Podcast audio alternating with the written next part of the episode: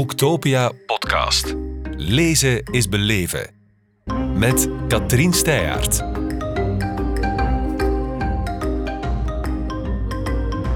En met Delphine van den Heden, welkom. Dank u, aangenaam. Je bent uh, hier in Kortrijk met je debuutroman November en ik, uitgegeven bij Pelkmans. Uh, wat als je in de liefde al ingaat en toch verliest?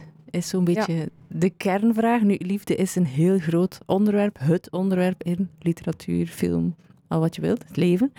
Is dat niet intimiderend? Net niet, vind ik. Omdat er al zoveel over geschreven is. Allee, ik bedoel, um, als het intimiderend zou zijn, zou er een, zouden er heel weinig liedjesteksten bestaan. Dat is waar. Dat is allemaal over de liefde. Um, is een van de zaken die ons mens maakt. Ja, ja absoluut. Ja. Dus het was van in het begin, voelde het goed om daarover te schrijven? Niet van in het begin. Ik denk, het was in het begin um, was ik eigenlijk aan een soort utopisch slash dystopisch verhaal bezig. Iets helemaal anders? Ja, voelde veel intimiderender. Omdat, er ook, omdat het wel een trend is ook, hè, een beetje. En um, uiteindelijk was, was uh, dit een, een zijspoortje daarvan. En heb ik dan heel het dystopische deel weggedaan. Alhoewel dat je corona, wat er op de achtergrond die voorkomt, ook wel dystopisch kunt noemen. Ja, uh, absoluut. Ja. En dat voelde dan net heel... Um, ja, niet intimiderend aan. Ja. ja. En je zegt het, het, was eigenlijk eerst een soort zijspoor. Ja. Het verhaal van uh, Esther en Ellie. En het is eigenlijk je schrijfdocent Els Moors. Klopt. Die ja. je erop gewezen heeft van dit is een hele goede lijn, werk die is verder uit? Of wat ja, heeft exact. zij als advies gegeven? Ja, die had het niet zo voor dat dystopische verhaal. dus die, die, uh, die was wel geïntrigeerd door het, het verhaal van Ellie en Esther. Um, het, het, liefdesverhaal. En, en zij, exact zoals ze nu zegt, uh, zei ze van, ga daar maar mee verder. Ja, werk dat maar uit. Omdat ze daar iets in voelde wat krachtiger was? Um, ja, universeler misschien, herkenbaarder. Um, het is een coming-of-age verhaal en uh, ik denk dat het als debuut is het ook wel passend om een coming-of-age verhaal te schrijven. Ik vind er, ergens dat ook wel een mooi startpunt of zo. Um, en Els Moors is ook wel iemand die het belangrijk vindt om het ergens dicht bij jezelf te houden. Allee, zij schrijft heel autobiografisch. Hè. En bij mij is het wel een, een verzonnen verhaal, maar er zitten uiteraard wel autobiografische elementen in. En dat zorgde ervoor, net dat zorgde er eigenlijk voor dat het minder intimiderend werd, omdat ik me meer met de taal en het schrijven kon bezighouden en minder met het... Uh, met, ja, met de verhaallijnen, het daarin Technische, vastlopen en het ja. technische aspect, inderdaad. Ja. Terwijl dat het... Ik, ja, op de achtergrond steekt er heel veel techniciteit in. Hè, want ik moest natuurlijk een, een verhaal hebben met een opbouw, een begin en een einde, een, een plot. Um, maar dat kwam veel organischer nu. Ja. ja. Je zegt het is niet autobiografisch, maar het is wel gekleurd door eigen herinneringen, eigen emoties. Um, vooral een eigen milieu. Ja, het, het, het queer milieu, maar ook Antwerpen, uh, de studentenperiode. Ik heb in, een, um, in de Flamingos gezeten, een, een LGBT-studentenclub uit Antwerpen. En ik heb wel nog wat boeken dat ik daarover zou kunnen schrijven. Wat ja, ik is het zo doen. kleurrijk? Wijd als eens in? Um, het, het, ik denk, het studentenmilieu is al een kleurrijk ding op zich. En dat zit er niet ja. in. Ik heb dat er, daaruit gelaten. Maar er, er was wel wat drama, ja. En dan... Um, ja, jongeren drama in bij welke elkaar. Zin? Goh, ja, liefdesdrama. Ja, ja, dat. Het is veel stof om over te schrijven. Ja, ja bij mijzelf, maar, maar ook bij vrienden. En, en iedereen zoekt zijn weg nog. Um, al dat studeren, dat levert ook stress op. Mensen zoeken zichzelf nog. Ja, dat, dat, dat is een, um, een intrigerende periode. Ik heb van, van, uh, van veel mensen ook feedback gekregen nadat het verscheen. Van veel mensen uit, uit de studentenclub dat ze het um, herkenbaar vonden. Niet exact van, oh, dat dit herinner ik me, maar gewoon het, het, ja, heel de sfeer van die tijd. Ja. ja. Als ik het goed heb, ben je intussen vijf jaar getrouwd met je vrouw en heb ja, je, ja, hebben jullie een kind. Waarom wil je dan toch nog terug? Is het daarom naar die periode, om, omdat het zo vormend is? Um, ja, Misschien wel. Allee,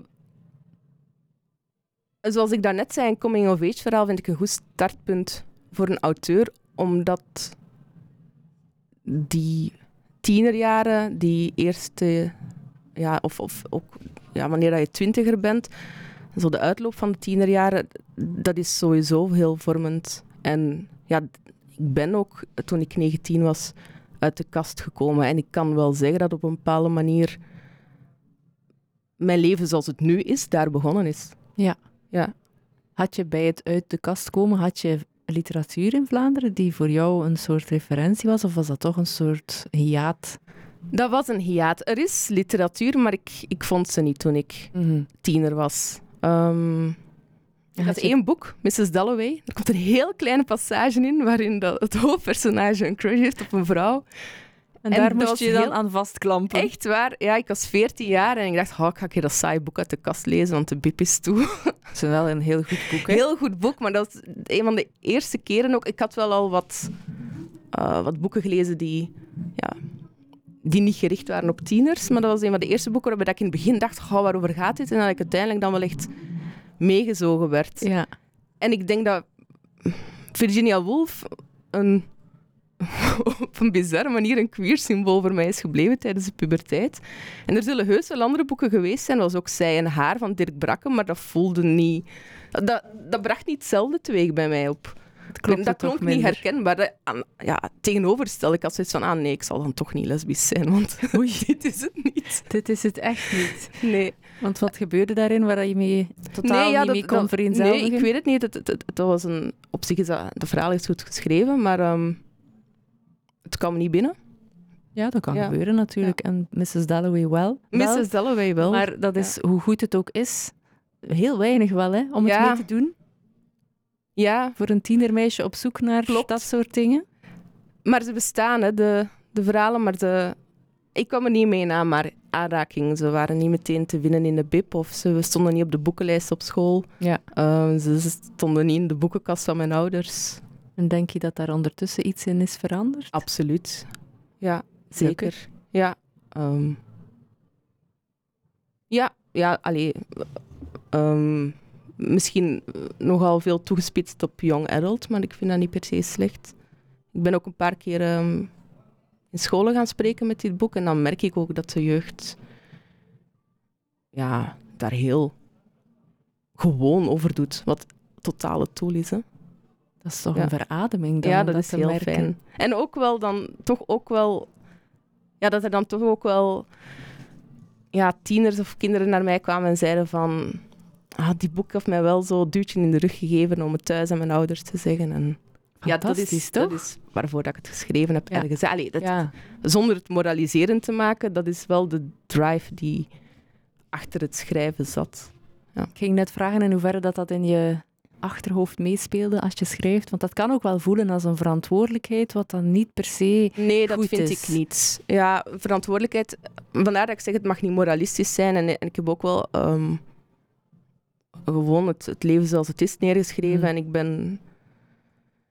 Ik heb mij niet te veel met politiek proberen bezig te houden. In de zin dat het in het boek ja, mensen zijn die fouten maken. Die soms foute dingen zeggen. Die eh, soms heel cliché zijn. Ehm, maar net dat hoort thuis in literatuur, denk ik. Het feit Ja, dat het tuurlijk. dat het mensen zijn. Het, het, is, het is geen. geen pamflet, hè. Voilà. Nee, nee, natuurlijk niet. Ik vind ook niet dat het er heel nadrukkelijk in zit, of toch Ja. niet op een, op een vreemd nadrukkelijke manier. En dat is uiteindelijk toch het streven, denk ik, dat die personages gewoon daar zijn. Ja, en dat exact. dat zelfs geen punt is. Ja. Dat je dat gewoon meekrijgt. Ja, exact.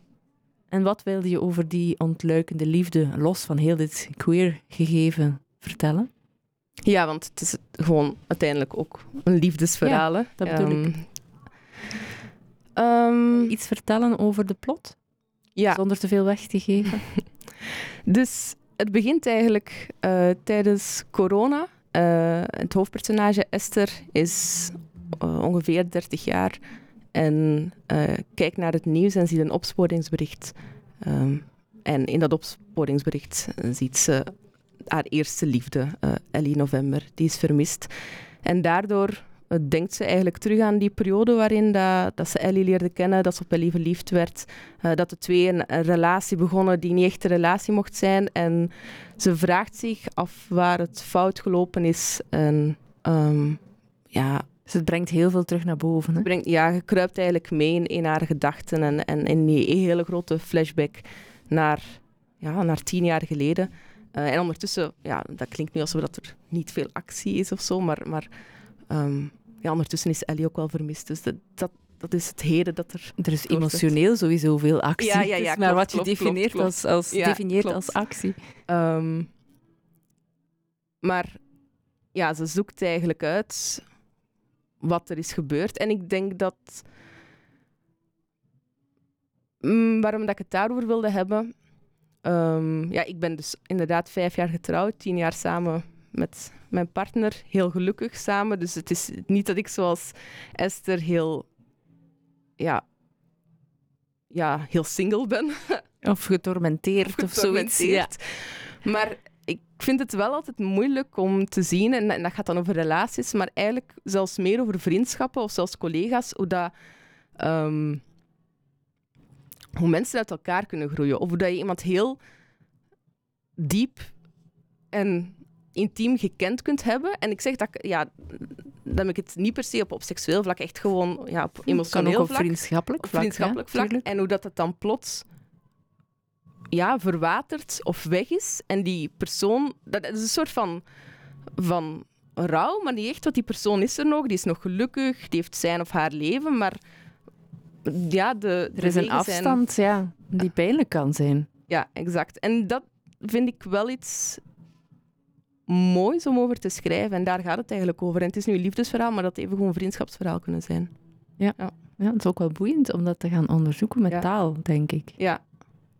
Was het een moeilijke zoektocht? Heb je veel gezweet? Of kwam het uiteindelijk als je die lijn had? Schrijven zelf goed? is vermoeiend, hè?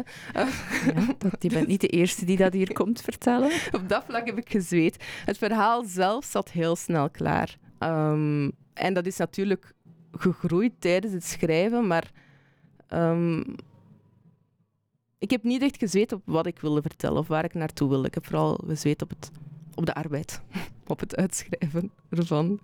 En is en daar... de taal, ja, er is, ik heb er wel veel in geschrapt en zo. Um, maar dat, op dat vlak ben ik wel een vrij snelle schrijver, merk ik in vergelijking met collega's. Ik ben niet iemand die een tekst het schrijven zelf gaat traag, maar, maar als die zin er dan staat, dan, dan verander ik daar niet altijd heel veel aan. Wel um, grammaticaal als daar een fout in zit, of um, wel schrappen, maar, maar niet per se dat ik echt ja. een hoofdstuk tien keer opnieuw mhm. ga herlezen. Het boek is intussen al even uit. Wat zijn de reacties die jou het meest gedaan hebben? Ja, de reacties die ik daarnet vertelde, van... Um, herkenbaarheid. Ja, van kinderen die naar mij komen en zeggen dat het een duwtje in de rug was. Um, en ook wel de mensen van vroeger dan, die terug even, even contact met me opnamen. Dat was ook wel leuk. Ja, kan ik me voorstellen. Um, en Instagram, dat ook wel. Er waren veel leuke reviews op Instagram. Mm -hmm. Uit Nederland vooral. Dus het vindt zijn weg. Ja, op, ja.